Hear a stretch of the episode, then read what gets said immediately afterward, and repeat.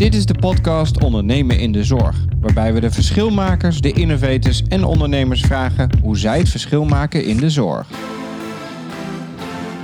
Ja, welkom bij de twintigste aflevering van de podcast Ondernemen in de Zorg. Ik ben Jetro Hardeman, eigenaar van innovatiestarters.nl. Wij helpen zorgorganisaties bij het starten, initiëren en realiseren van vernieuwing in de gezondheidszorg. En deze keer ben ik de gast bij Michel van Schijk. Michel is directeur gezondheidszorg van de Rabobank, maar is eigenlijk al zijn hele carrière vanuit vele rollen betrokken bij de gezondheidszorg. Vanuit zijn lange bankaire ervaring heeft hij vele start-ups en bedrijven in de jaren voorbij zien komen.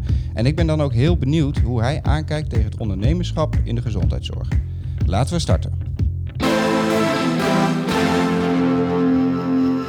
Ja, goedemorgen uh, Michel. In Goedemorgen. je eigen huis, want ik ben uh, op bezoek bij jou. Ja, hartelijk Het, welkom. eh, heel fijn eh, hier in een eh, mooie omgeving, eh, vind ik wel.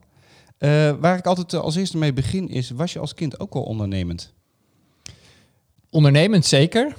En ehm, dat moest ook wel, want ik kom uit een groot gezin. Ik ben de negende ehm, van een gezin. Hè. Dus ik heb acht oudere broers en zussen.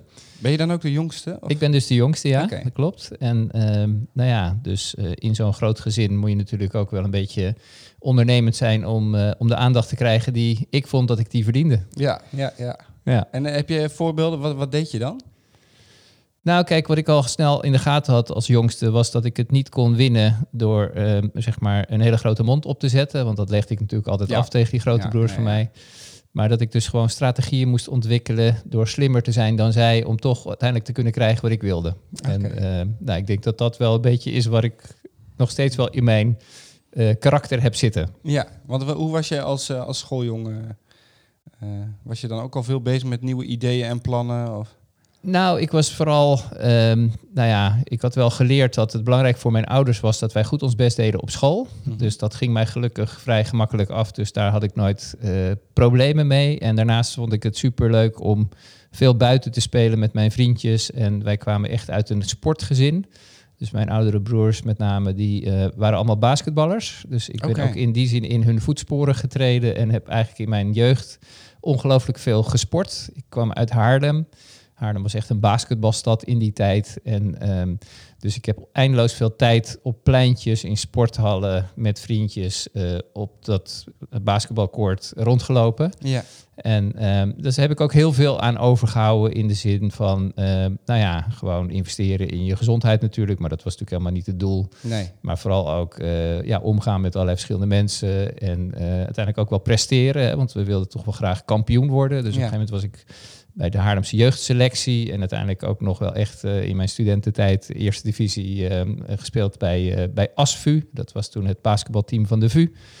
En ehm, nou ja, dat is voor mij in ieder geval wel een heel belangrijke leerschool geweest om ja, fanatiek te sporten. Omdat je vanuit sporten ja, heel veel lessen leert van nou ja, ambitieus zijn, doelen stellen, maar ook samenwerken en, en ook veel lol hebben. Hè? Dus dat vind ik ook wel belangrijk. Is het voor jou dan de kern geweest inderdaad, voor, voor eigenlijk je latere carrière?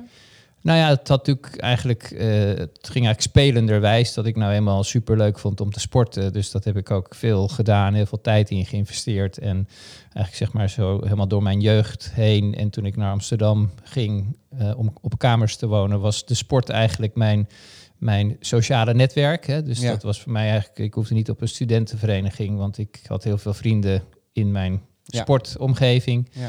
En, en die heb ik overigens nog steeds. Hè? Dus dat is ook Oh, wel echt? mooi van Oh, die tijd. Dat je dan ook hele mooie vriendschappen ontwikkelt. Die vaak heel lang in de tijd ook blijven bestaan. Dus die koester ik. Ja, En, ehm, en die worden eigenlijk alleen maar ja, belangrijker en waardevoller naarmate ze langer duren. Hè? Dus dat is, en zodra ik mijn vrienden ontmoet uit die tijd, dan is het net alsof de tijd heeft stilgestaan. Dus dan zijn we weer in die weer- kleedkamer Ja, en dan gaan de gesprekken weer over de dingen die we toen ook hadden. En ja. dat is heel heerlijk, ja. Mooi is dat hoe dat inderdaad toch altijd weer je in die oude rol dan weer gelijk stopt. Juist, hè? ja, ja. ja, En, en je ouders, eh, waren die ook ondernemend? Of? Nou, mijn ouders kwamen allebei van de boerderij. Dus die hebben elkaar ontmoet vlak voor de oorlog. En ehm, ja, die konden eigenlijk niet trouwen vanwege de oorlog. Dus die hebben een hele lange verlovingstijd gehad. En zijn kort na de oorlog met elkaar getrouwd. En eh, ze hadden eigenlijk als droom om een boerderij te beginnen. Maar dat kon gewoon niet vanwege nou ja, de tijd waar ze toen in leefden. Dus uiteindelijk zijn ze terechtgekomen in de stad, in Haarlem. En zijn toen een kaaswinkel begonnen, want dat was een product waar ze dan verstand van hadden. Ja. En ehm, dus dat was eigenlijk een beetje om ja, een bestaan op te kunnen bouwen. Dat was niet de droom van mijn vader. En eh, wat ik wel altijd heel erg mee heb genomen, is dat mijn vader en mijn moeder altijd enorm veel opzij hebben gezet om hun kinderen kansen te geven. Ze stimuleerden ons enorm om op school ons best te doen, zodat wij goede opleidingen hadden en daardoor nou ja, meer kansen hadden. Ja. Hebben zichzelf daar enorm in weggecijferd. En, ehm, en mijn vader die zei wel eens van, ehm, het maakt me niet uit wat je gaat doen als je het maar beter doet dan ik. En dat vond ik eigenlijk achteraf gezien best een treurige uitspraak, omdat hij dus kennelijk niet zijn droom had kunnen verwezenlijken. En ehm, ja, dus dat heeft voor mij wel altijd eh, ja, meegespeeld en nog steeds. Dat ik denk van ja, je moet je dromen wel proberen zoveel mogelijk na te jagen. En als je die kansen hebt en krijgt, benut ze dan ook. Ja. En, eh, dus dat, en dat heb ik ook niet als enige in ons gezin, maar je ziet dat al mijn broers en ook mijn zussen in die zin altijd wel best eh, ja, hard hun best hebben gedaan om een goed leven op te bouwen. Ja. En is, is, zo'n uitspraak van je vader dan eh, een soort inzicht wat je juist hebt meegenomen? Of meer als een soort tegenhanger van laat ik alsjeblieft ook proberen om, eh, eh, om het op een andere manier te beleven? Nou, op het moment dat, ik, dat hij dat zei, toen drong het wellicht nog niet eens zo tot mij door wat hij nou eigenlijk zei. Maar later in mijn leven heb ik wel een aantal momenten gehad dat ik echt mezelf heb bezonnen op de vraag, is dit wat ik echt wil? Ja, ja. En eh, dus ik ben op een gegeven moment eh, tandheelkunde gaan studeren. Dat was omdat voor ons het vanzelfsprekend was dat als je de mogelijkheid had om te studeren, dan ging je studeren. En nou ja, ik kwam toen eigenlijk tot een soort studiekeuze, omdat een oudere broer van mij ook tandarts was inmiddels al, dat ik dacht, nou, dat lijkt me wel leuk. ja. Ehm, Hoe en, oud was je toen? Nou, toen was ik een jaar of 18, denk ik, toen ik die keuze heb gemaakt Ja. hè, op de middelbare school. Iedereen kent dat, die, uit die tijd kan zich nog wel herinneren, hè, dat je dan van die overzichtjes had met eh, welke vakken je dan nodig Ja, had, et cetera. Dus ik ben aan die studie begonnen en heb dat met veel plezier gedaan. En daarnaast heel veel gebasketbald, wat ik al zei. En eh, ja, gaandeweg begon ik natuurlijk na te denken van... ja, zo'n tandartsdiploma, eh wat betekent dat eigenlijk? En ik heb toen eigenlijk tijdens mijn opleiding, die ik met veel plezier heb gedaan... eigenlijk wel het inzicht gekregen dat ik dacht... ja, ik heb er eigenlijk toch niet zoveel zin in om 40 jaar in zo'n tandartspraktijk te gaan werken. Nee. En toen heb ik toch ook wel weer aan die uitspraak van mijn vader teruggedacht. Ik dacht van ja, als ik daar nu niet ja, zelf een harde keuze in ga maken, dan ja, ga ik toch die kant op. En dan ga ik misschien iets doen waar ik intrinsiek niet gelukkig van word. Ja. En dat is me een paar keer in mijn carrière overkomen, dat ik op zo'n kruispunt stond. Ja. En eh, waar ik elke keer toch uiteindelijk mijn gevoel heb laten prevaleren boven wat sommige andere mensen die dan om jou heen ook iets vinden daarvan, Ja. ehm, ja, eigenlijk verstandig vinden. Want iedereen zei, joh, maar je bent een tandarts, je kan hartstikke veel geld verdienen, waarom ga je dat niet Oh ja, doen? Ja. En ehm, nou ja, dat was voor mij niet de belangrijkste drijfveer om dan toch die keuze te maken. Nee. En toen je op zo'n kruispunt stond, hè, de, je was standaards, eh, maar het voelde niet goed. Wat ben je toen gaan doen? Nou ja, toen was ik inmiddels geïnteresseerd geraakt in een beetje de, de systemische kant van de gezondheidszorg. Ik werkte toen ook tijdens mijn opleiding als, als kandidaatsassistent bij de vakgroep Sociale Tandheelkunde in Amsterdam. En ehm, ja, ik raakte toen een beetje geïntrigeerd door de economische kanten van de gezondheidszorg. En heb toen eigenlijk besloten van daar wil ik meer van weten. En heb toen na mijn, eh, mijn studie eigenlijk een volgende opleiding gedaan in Amerika. Dus ik ben toen naar Los Angeles verhuisd met mijn toen nog jonge bruid. Die overigens nog steeds mijn bruid is, waar ik heel blij mee ben. En, ehm, en ik heb daar een School of Public Health opleiding gedaan, die zich vooral richtte op ja, de vraagstukken van ehm, wat we dan eh, marktwerking zouden noemen, of eh, managed care, of hoe je het ook wilt noemen. Maar dat was echt nog in de tijd dat als je verder wilde in het leven, dan ging je naar Amerika, want die liep altijd 10 of 20 jaar Ja. voorop. En Ja. dan nam je die kennis mee en dan kwam je weer terug en dan ging je dan in Nederland verder. Ja. Nou, dat is in die zin ook wel een beetje zo gegaan. Alleen het inzicht wat ik in Amerika heb opgedaan was vooral dat wij eigenlijk een gezondheidszorgsysteem hebben wat ja, eigenlijk internationaal supergoed is. Hè? Dus, eh, dus heel veel van mijn medestudenten die vanuit de hele wereld kwamen, die zeiden waarom ben jij eigenlijk naar Amerika gekomen? We hadden beter naar Nederland kunnen Ja, gaan. precies, En, ja. en dat is wel ook iets wat ik nog steeds met mij meedraag. Dat ik denk, we klagen heel vaak over wat er allemaal niet goed is in de gezondheidszorg. Maar we moeten ook heel trots zijn op wat we hebben.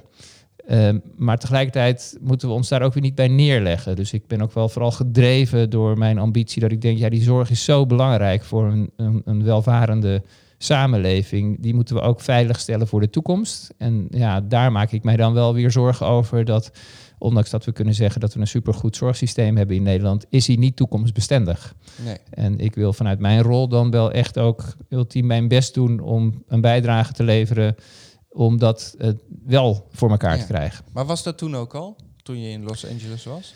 Nou, dat was natuurlijk anders in die zin dat ik veel minder overzicht had dan dat ik nu had. Ik had eigenlijk helemaal niet een goed idee van als ik dan terugkom in Nederland, wat overigens ook niet vanzelfsprekend was. Hè. Dus we gingen eigenlijk een beetje met een open vizier daar naartoe van we zien wel of we terugkomen. Oh, dat is wel spannend. En eh, uiteindelijk hebben we daar wel heel bewust en gelukkig achteraf eh, voor gekozen om weer naar terug naar Nederland te gaan. Ehm, ja, had, heb ik niet een heel duidelijk doel voor ogen gehad, dan ga ik dat en dat doen. Hè? Dus ik heb wel in die tijd gesprekken gevoerd met mensen die op bepaalde posities zaten in de Nederlandse gezondheidszorg. En hen gevraagd, joh, als ik dat nou ga doen, kan ik daar dan wat mee als ik Ja. terugkom? Ja.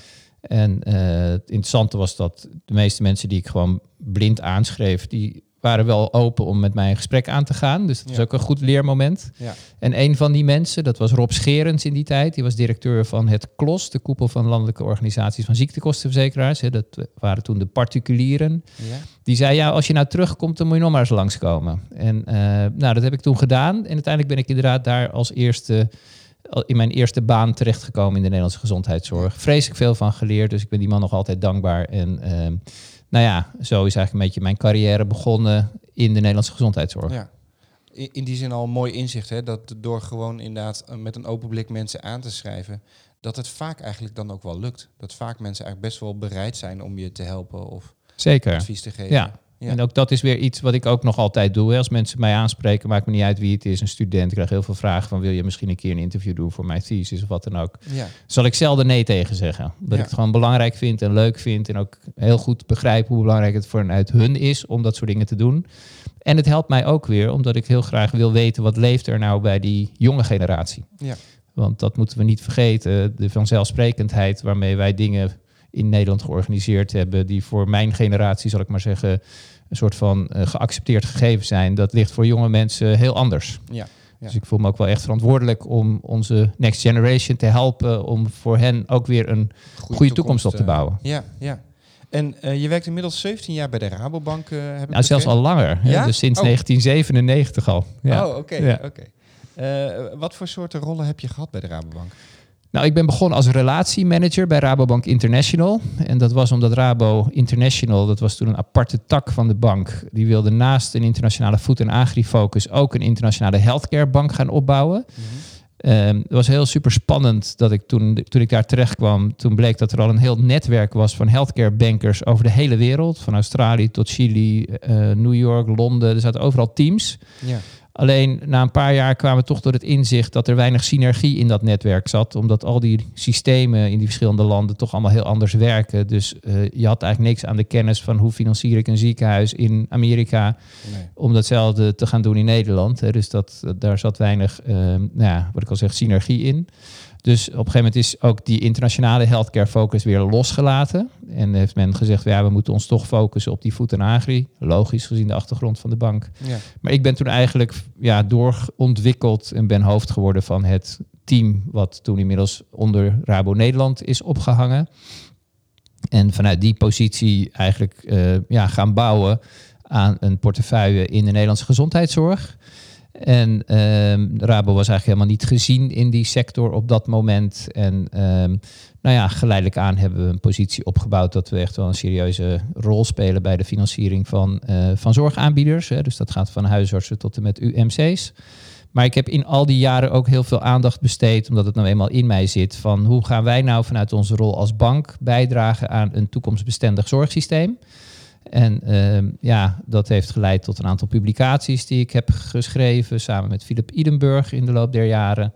En ehm, dat was ten Die is eerste. van B-Bright, toch? Of? Philip is de oprichter van BeBright, is Ja. oud collega, hij komt ook bij de Rabobank vandaan. En ehm, ja, wij zijn toen eigenlijk in de tijd dat er heel veel grote financieringen van grote nieuwe ziekenhuisgebouwen in Nederland speelden, waarbij toen eigenlijk ook al het inzicht was van is dat nou eigenlijk allemaal al zo verstandig en toekomstbestendig. Ehm, heb ik toen eigenlijk samen met Philip een toekomstverkenning gemaakt, diagnose 2025. Eigenlijk met het idee van als wij meer inzicht krijgen in nou ja, zeg maar de toekomst van de gezondheidszorg, kunnen we ook als bank betere afwegingen maken wat we wel doen en wat we niet doen. En uh, ja, dat is eigenlijk een ja, boven verwachting groot succes geworden, dat boek. Hè. Dus in zes drukken zijn ervan uitgegeven. En Zo. ik ben toen eindeloos veel ook uitgenodigd om verhalen te vertellen. Waarom gaat een bank zoiets doen? Ja. En het simpele antwoord was, nou ja, omdat we nou eenmaal ongelooflijk veel geld verstrekken met looptijden van 30 jaar toen nog. Uh, dus dan willen we graag weten, kunnen we over 30 jaar nog steeds verwachten dat dat ziekenhuis in staat is om zijn lening terug te betalen? Ja, ja, ja. En uh, dus dat lijkt me een vrij logische reden om dat vanuit een bankperspectief te doen. En, uh, maar wat ik veel belangrijker vind nog is van, uh, ja, hoe kunnen wij dan als maatschappelijke bank, hè, de Rabo is natuurlijk een coöperatie, ook een, een, een, rol spelen om ja, vanuit onze, ja, zou zeggen, rol als geldgever, een kritisch klankbord te zijn en een spiegel voor die sector om na te denken van, is al datgene wat we aan geld in die sector stoppen nou eigenlijk ook allemaal zo goed besteed? En waarom is dat zo belangrijk? Nou ja, omdat ik denk dat de gezondheidszorg een hele fundamentele pijler is onder een welvaartssamenleving. En dat als we die pijler niet in stand kunnen houden, omdat die veel te duur gaat worden of te veel arbeidspotentieel uit de markt haalt, of nou ja, vul het maar in, ja. dan hebben we daar als hele samenleving op den duur last van. En, uh, en eigenlijk kun je zeggen dat de rode draad door mijn carrière is dat zelfs toen ik in Amerika studeerde, al een discussie speelde in Nederland over de beheersbaarheid van de kosten. En eigenlijk is die discussie nog Ja, die is precies nog hetzelfde ja. eh, terwijl wij hier zitten te praten. Ja, ja. En nou, dat is wel interessant. eh, want wat is er dan wel veranderd? Als die discussie eigenlijk nog steeds aan de gang is, wat, wat, wat zijn we dan wijzer geworden? Nou, ik denk dat je kunt niet zeggen dat we niks wijzer zijn geworden, want de zorgsector is natuurlijk wel degelijk heel erg geëvolueerd in die decennia. Hè. Dus ik denk dat de kwaliteit van de zorg die we nu kunnen leveren ten opzichte van die periode, die is natuurlijk aanzienlijk beter. We hebben allerlei eh, technologie ontwikkeld die eh, dingen mogelijk maakt die toen niet mogelijk waren. Er zijn geneesmiddelen, hulpmiddelen, noem het allemaal maar op. Hè. Dus je kunt echt wel zeggen dat er in die 30 jaar heel veel is gebeurd wat de patiënt ten goede is gekomen. Ja, Maar je kunt ook zeggen dat in diezelfde periode ook een heleboel niet is gebeurd, wat eigenlijk ook had kunnen bijdragen aan de toekomstbestendigheid van het systeem. En dat is ja, het fundamenteel transformeren van eh, dienstverleningsconcepten. Dus we gaan nog steeds, eh bij zo'n spreken, als we iets hebben, naar de huisarts toe om in zijn praktijk te horen wat dan de diagnose is, om vervolgens doorverwezen te worden naar het ziekenhuis, et cetera. En ja. dus je zou kunnen zeggen, het, het, het, het dienstverleningsconcept van de zorg ziet er eigenlijk nog niet fundamenteel anders uit dan 30 jaar geleden.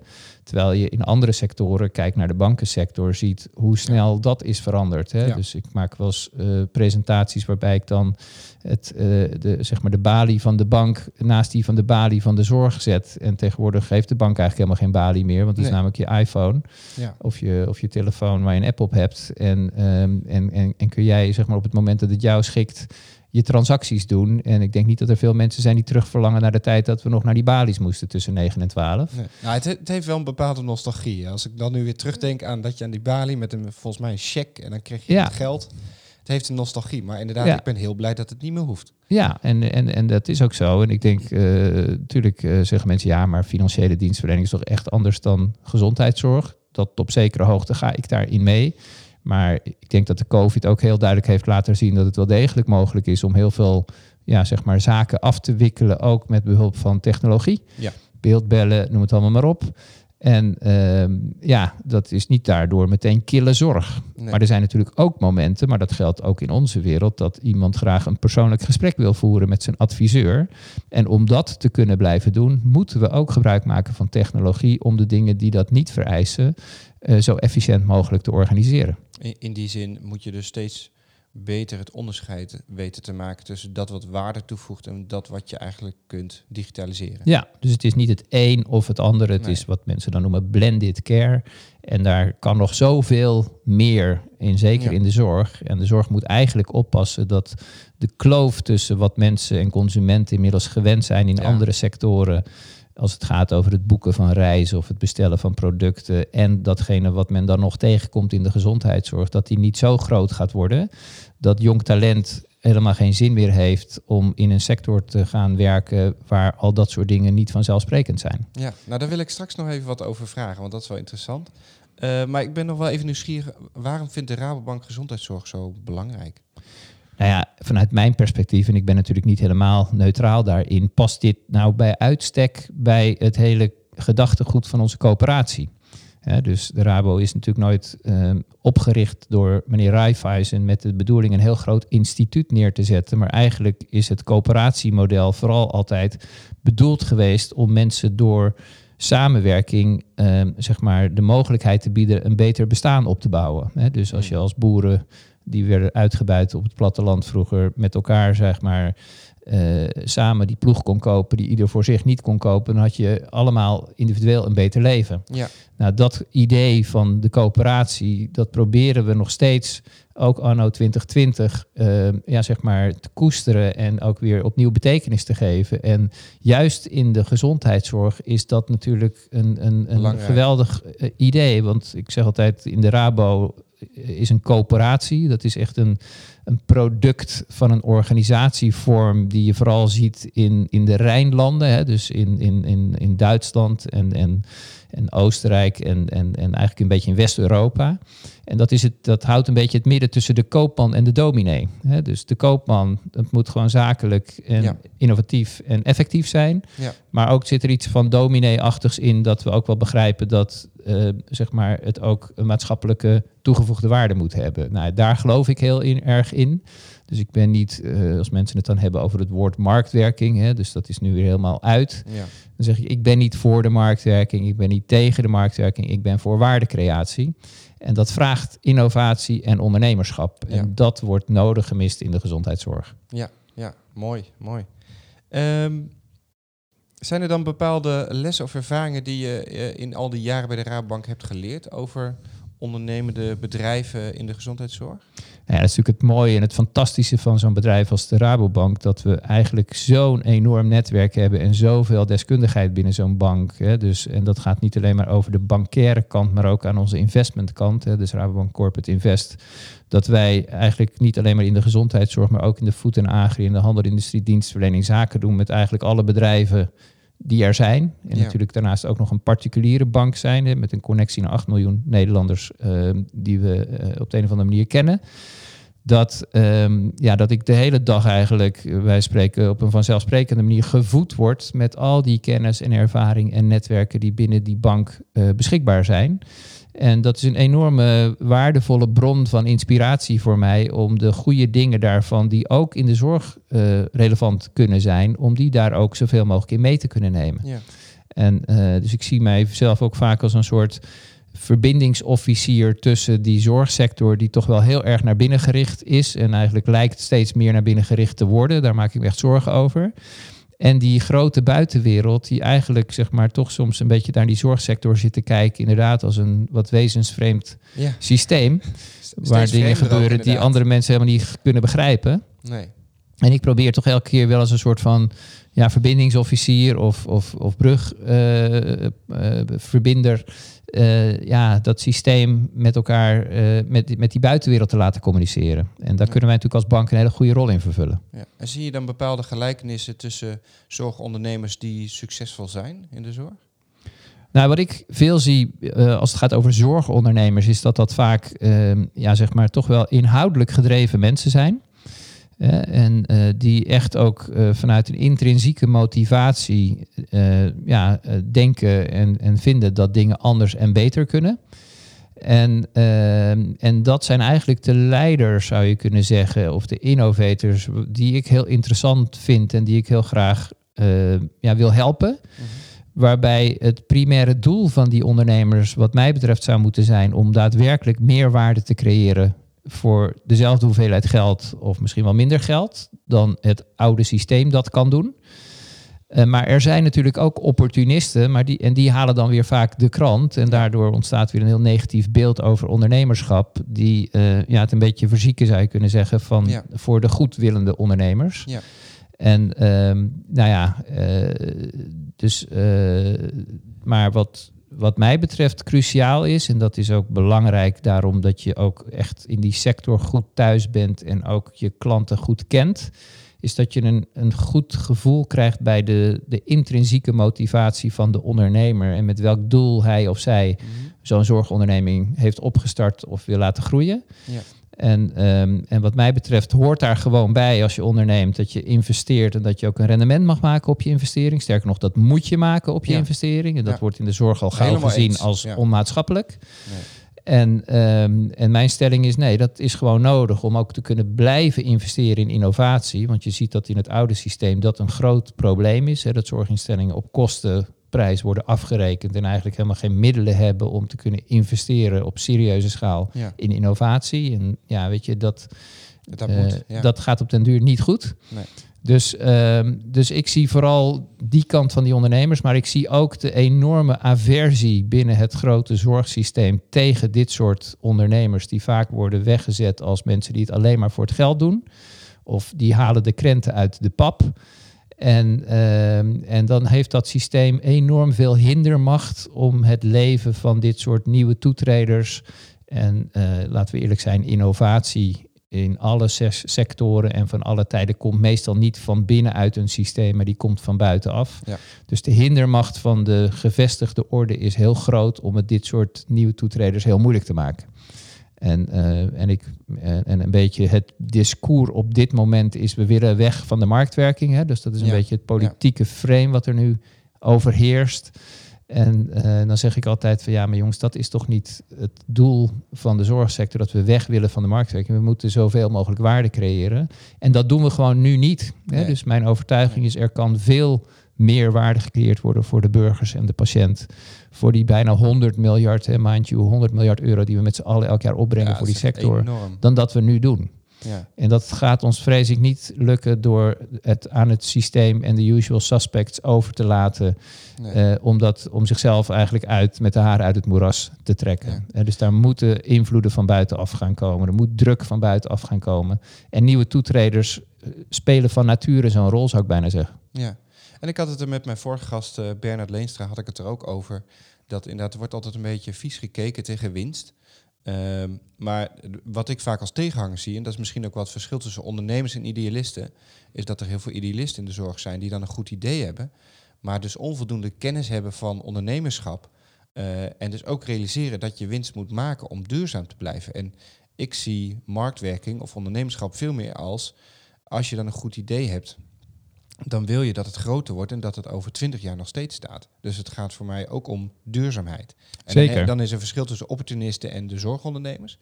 Eh, maar er zit dus ook een groot verschil volgens mij tussen de idealisten en de ondernemers. En er zijn Ja. heel veel idealisten die inderdaad prachtige idealen hebben en ideeën, maar niet weten hoe ze dat tot, tot een duurzaam bedrijf weten te, te brengen. Ja, en ik vind idealisten fantastisch. Hè? Dus Zeker, dat zijn eh, mensen nodig. waar ik veel respect voor heb. Maar als een idealist bij ons komt en zijn businessplan deugt niet, dan gaan we hem toch niet financieren. Hè? Nee, Dus nee. dat is ook weer de taak van een bank om daar kritisch naar te kijken. En, eh, en wat je nu te veel ziet in de zorg, dat er dan, eh, ja, omdat men dan dat ondernemerschap moeilijk vindt of daar te weinig affiniteit mee heeft, dat we pilotprojecten gaan doen of proeftuinen of weet ik veel wat. En dat zijn eigenlijk allemaal tijdelijke subsidiegedreven regelingen Ja. die dan misschien ook wel vanuit idealisme beginnen, maar eigenlijk niet schaalbaar zijn, omdat het nou eenmaal dan op een subsidie eh, gebaseerd is Ja. en dus ook uiteindelijk niet impactvol worden. Ja. En, en de kunst is om ehm, ja, naar schaalbare innovaties te gaan die ook duurzaam financierbaar zijn en die ook goed kunnen groeien. En, ehm, en tegelijkertijd aan de andere kant ook wel grenzen te stellen aan ja, hoeveel winst mag dat dan opleveren. Hè? Ja. Dus dat vind ik, daar ben ik echt nu actief ook mee bezig om, aan, om na te denken over eh, ja, bepaalde guiding principles die je zou kunnen inbouwen in ondernemingen die actief zijn in de gezondheidszorg. Om aan de ene kant veilig te stellen dat dat wel ondernemingen moeten zijn en blijven waar gewoon alles op en aan zit wat een onderneming nodig heeft om te kunnen groeien en te kunnen ontwikkelen. Maar waarbij uiteindelijk ook wel de eigenaar of de oprichter en de aandeelhouders zich vastleggen op bepaalde principes dat het niet moet leiden tot een winstmaximalisatiespelletje. Nee. En dat is best uitdagend, hè, want eh, laten we eerlijk zijn dat er is ontzettend veel geld in de markt. Ja.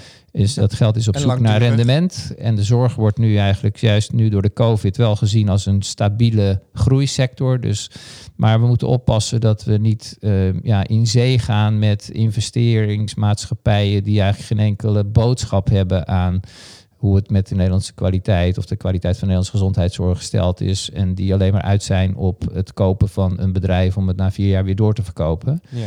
Ehm, De en, juiste inborst is nodig. en, en dat is nou net waar wij ook als bank wel echt, eh, ja, denk ik, een verschil in maken. Dat wij natuurlijk bedrijven eh, willen financieren die ook echt financieel eh, groei kunnen laten zien en ook rendement en et cetera. Maar tegelijkertijd proberen wij ook wel, dat is dan weer dat ken je klantprincipe. Dat we ook wel echt gevoel willen krijgen bij ondernemers in de gezondheidszorg dat het niet hun hoogste doel is om ultiem rijk te worden. Maar soms is dat wel de consequentie van succes.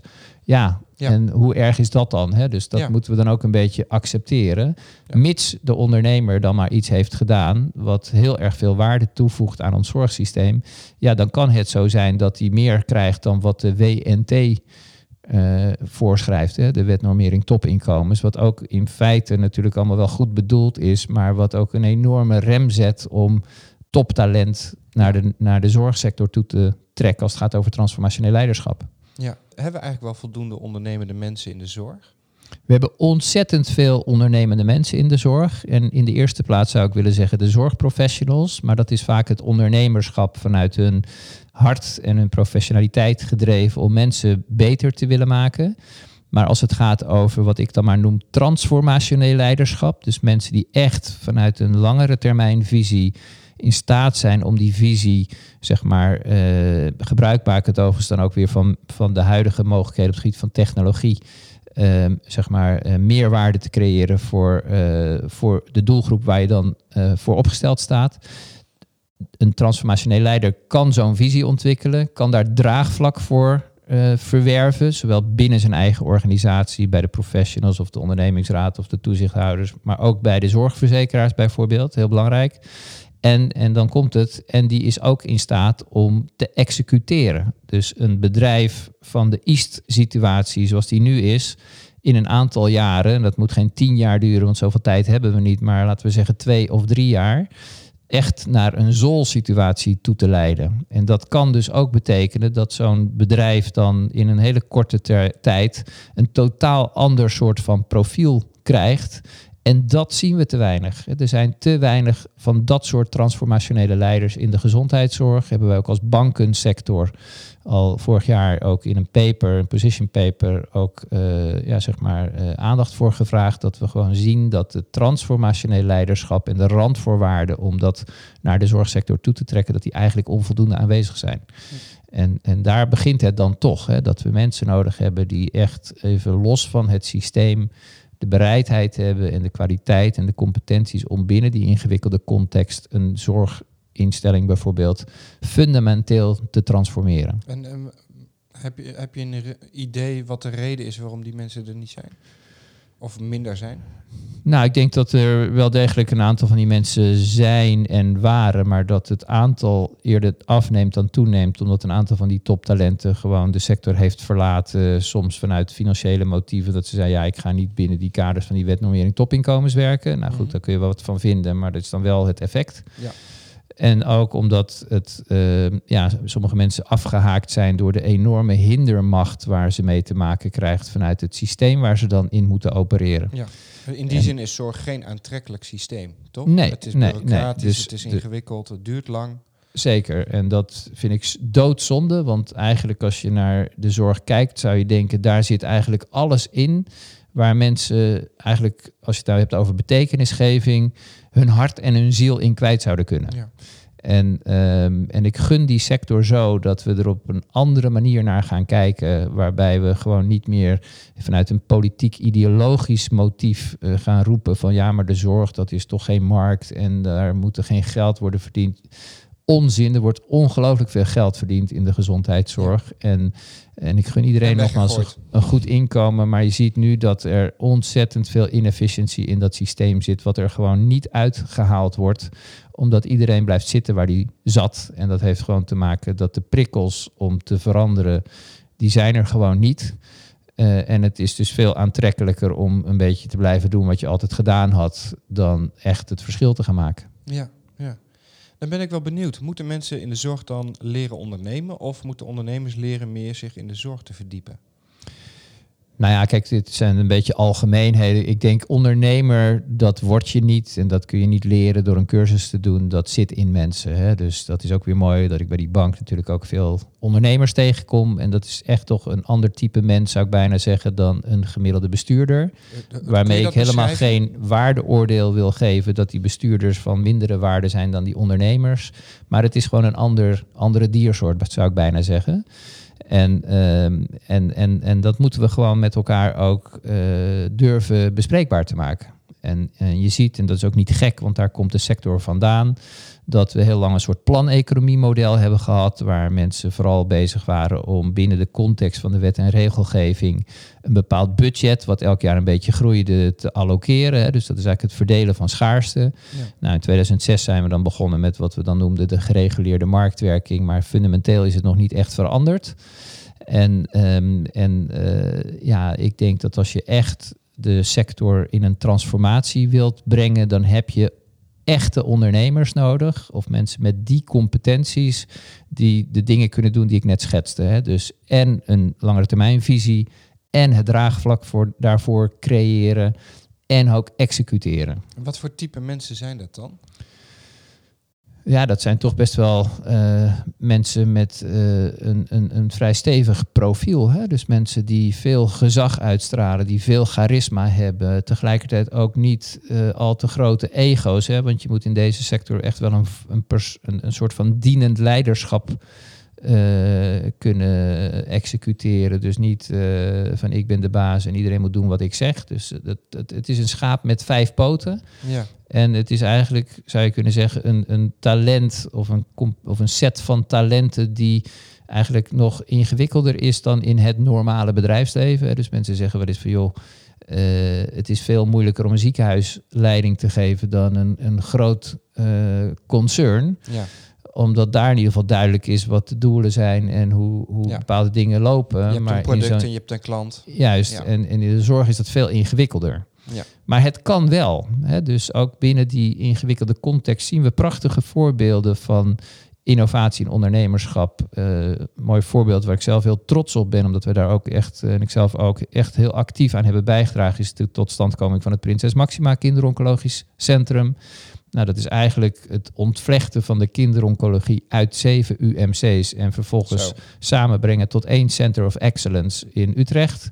Nou, je wilt niet weten hoeveel weerstand dat uh, heeft opgeleverd bij de gevestigde orde om dat überhaupt mogelijk te maken. Ja.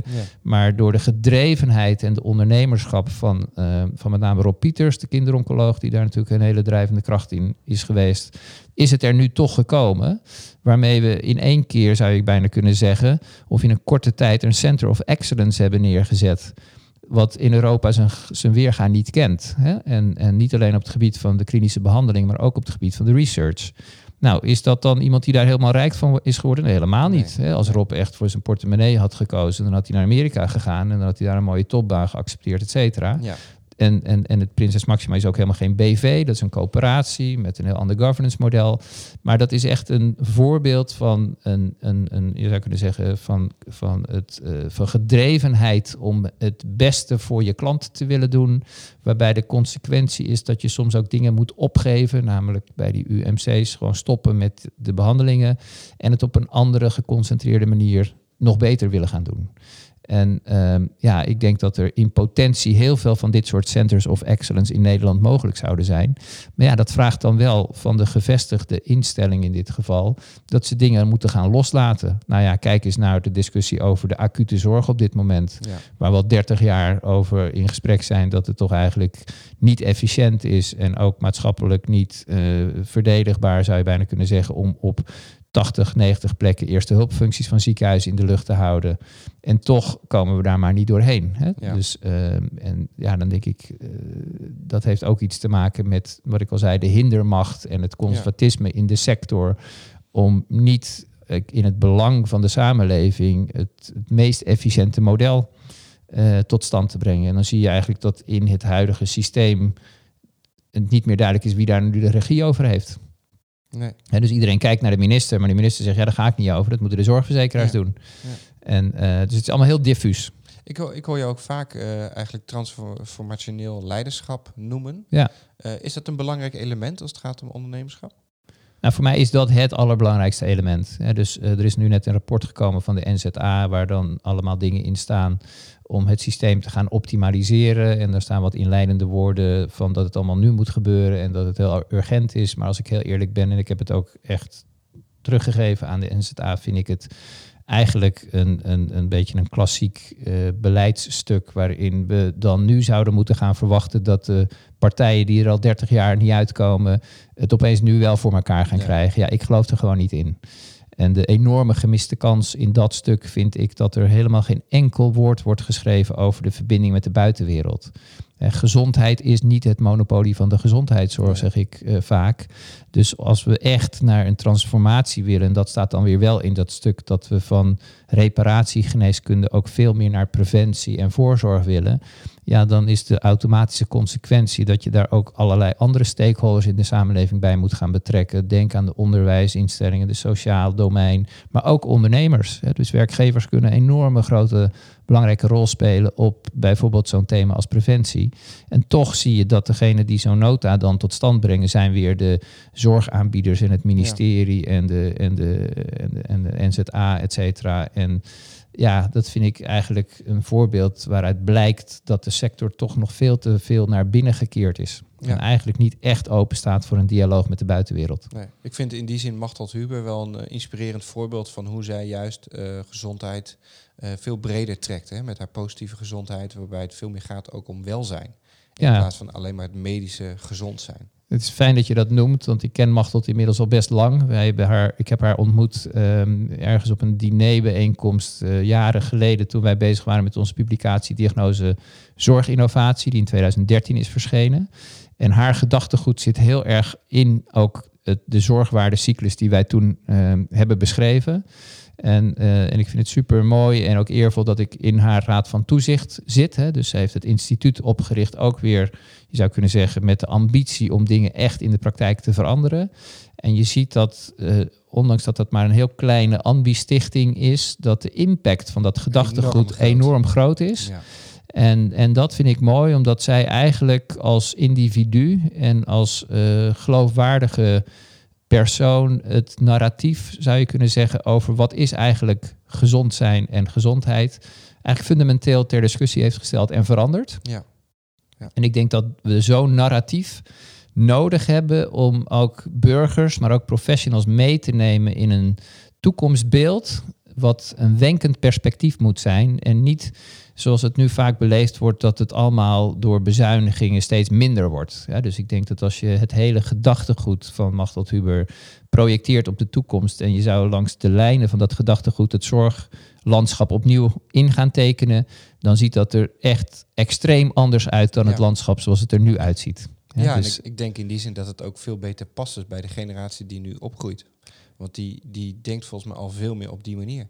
Juist, ik denk dat dat ook, en dat is heel belangrijk, hè, dat ik denk van we moeten ook mensen blijven inspireren en jong talent ook motiveren om in deze prachtige sector aan de slag te willen. En ik zie nu te veel voorbeelden dat jong talent de sector inkomt en eigenlijk na een jaar of twee jaar afhaakt omdat ze toch niet hun ei kwijt kunnen waar ze het echt, zeg maar, die sector voor zouden willen instromen. Ja. En, en, en het gedachtegoed, want daar begint het mee. Het begint met een verhaal. Ehm, en en een, een verhaal wat mensen aanspreekt, waar ze zich aan willen verbinden. Ik heb gezien ook hoe dat binnen onze bank werkt. Hè. Dus dat ook wij het verhaal van Growing a Better World Together, dat is het, is het product van een hele diepgaande dialoog die we binnen de bank hebben gevoerd naar aanleiding van de hele crisis die ook binnen de Rabobank op een gegeven moment binnenkwam. Om na te denken van wie zijn wij eigenlijk en wat willen we zijn. En daar hebben we echt wel eens even goed fundamenteel stilgestaan bij dit soort vragen. En je ziet dat het cruciaal is dat je duidelijk bent over de purpose van je company. En, ehm, en dat dat voor jonge mensen ongelooflijk belangrijk is om zich daaraan te verbinden. En ik denk dat er in de zorgsector te veel of te gemakkelijk ervan wordt uitgegaan. Ja, maar wij zijn toch zorgverleners, dus dat is toch een superbelangrijke purpose. Nee, je moet echt nog eens een keer heel fundamenteel die discussie durven aangaan. Doen wij nou eigenlijk echt wat ehm, de samenleving van ons mag verwachten? Ja. En ik denk, daarmee wil ik helemaal niet zeggen dat er nu verkeerde dingen gebeuren. Maar ik denk dat als je die vraag echt indringend durft te stellen, dat je tot hele andere oplossingen gaat komen dan dat je die vandaag de dag biedt. En dat dat ook een, een, een, een ultieme manier is om talent aan je te verbinden. Want je ziet dat ook zo'n Prinses Maxima ziekenhuis.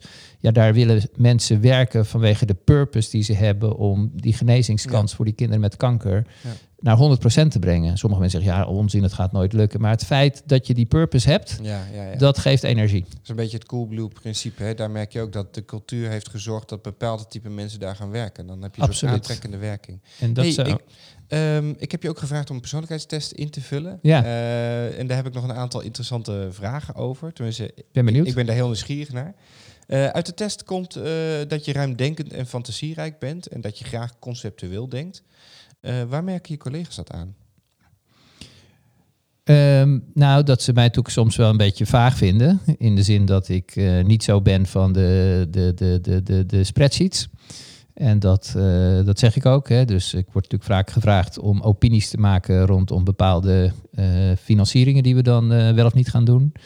Waarbij ik me ook vooral altijd heel erg richt op het strategische verhaal. En of dat past in de, de lijn en de visie van de bank. En, ehm, en dat vind ik eigenlijk ook mijn taak. Hè? Dus ik zeg, jullie zijn veel beter opgeleid en hebben veel meer verstand van al die financiële technicalities. Ja. Dan moet je mij niet vragen. Ik ga Nee. ervan uit dat dat oké is. Maar ik word dan weer gewaardeerd op, eh, nou ja, zeg maar mijn kennis en visie op die sector. En ja, dat is, daarmee ben ik eigenlijk best wel een vreemd beest in die bank. Hè? Dus ik voel Ja. me eigenlijk altijd toch nog een beetje een, een buitenstaander. Dus ik ga vaak naar huis en dan denk ik, wanneer komt het moment dat ze me doorhebben? ja, precies.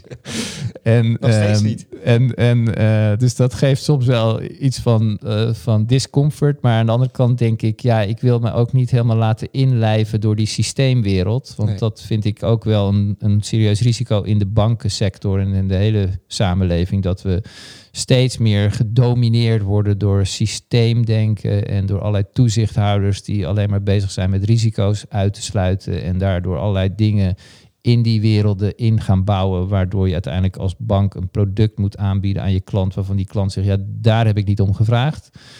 En, ehm, en ik hoop, en, en, en, en dat is mijn ambitie ook, dat ik een exponent ben van de leefwereld, maar dat ik ook weer niet zo naïef ben om te denken dat die systeemwereld volledig genegeerd kan worden. Ja. Dus, De verbinder eh, in die zin, wat je al zei. wat zeg je? De verbinder. Ja, dat is ook weer een verbindende rol binnen de bank. En ik zie datzelfde eigenlijk in de zorgsector. Dat je ziet dat er ook daar alsmaar eh ja, zeg maar een discussies zijn om nog meer grip en controle te krijgen op dingen. En ik hoop dat ik nog ga meemaken dat we naar een vertrouwenssamenleving gaan. Hè? Dus dat je ziet dat we eigenlijk nu toch in een samenleving leven waar vooral het uitgangspunt is: ik vertrouw jou niet totdat jij mij kan aantonen dat ik jou wel kan vertrouwen. En dat Ja. uitzicht dan in allerlei checklists en, en, en lijstjes en zo die je moet invullen. En ik hoop dat we eigenlijk geleidelijk aan, als we dus steeds meer vast gaan lopen in die systeemwereld, eigenlijk ook weer een nieuw perspectief gaan zien in een, een, een samenleving waarin vertrouwen het uitgangspunt is. En dat we ervan uit mogen gaan dat iemand gewoon doet wat hij geacht wordt te moeten doen. Ja. En dat noem ik dan ook weer het ecosysteem. Hè? Dus eh we hebben dat toen geframed van een patersysteem. De staat regelt het allemaal via een ecosysteem. We gaan allemaal de markt in en we gaan het allemaal voor onszelf regelen. Wat ook maar betrekkelijk is. En eh, we moeten eigenlijk naar een ecosysteem waarbij we beginnen met de vraag van de samenleving. Vervolgens constateren dat ik of wij als bank, maar ook een ziekenhuis of een zorginstelling of een aanbieder niet alleen in staat is om het probleem of het vraag of de behoefte van die burger in zijn eentje op te lossen. Dus we zullen naar samenwerkingsverbindingen toe moeten, maar ook op een zakelijke manier. En er niet vanuit kunnen gaan dat als we zeggen van we gaan het nu in de regio doen en we gaan de juiste zorg op de juiste plaats en iedereen gaat samenwerken, dat we er vanzelfsprekend vanuit kunnen gaan dat het dan goed komt. Nee, Ik geloof daar niet in. nee. Eh, er komt ook uit, je bent goed georganiseerd, gedisciplineerd en houdt van nauwke- nauwkeurigheid. Zijn het kwaliteiten die in jouw ogen nodig zijn, wil je slagen als zorgondernemer? Ik vind het wel mooi dat je zegt, ik ben goed georganiseerd, want dat wordt door mijn omgeving niet altijd zo uh, ervaren. Ik zal het nog een keer herhalen. Uit je persoonlijkheid komt dat je goed georganiseerd bent. Oh, dat heb ik zelf ingevuld. Ja, nou, dat Is dat, uh, daar moet ik nog eens over nadenken. Ja. Maar, um, nou ja, kijk... Uh, heb je dat nodig als ondernemer?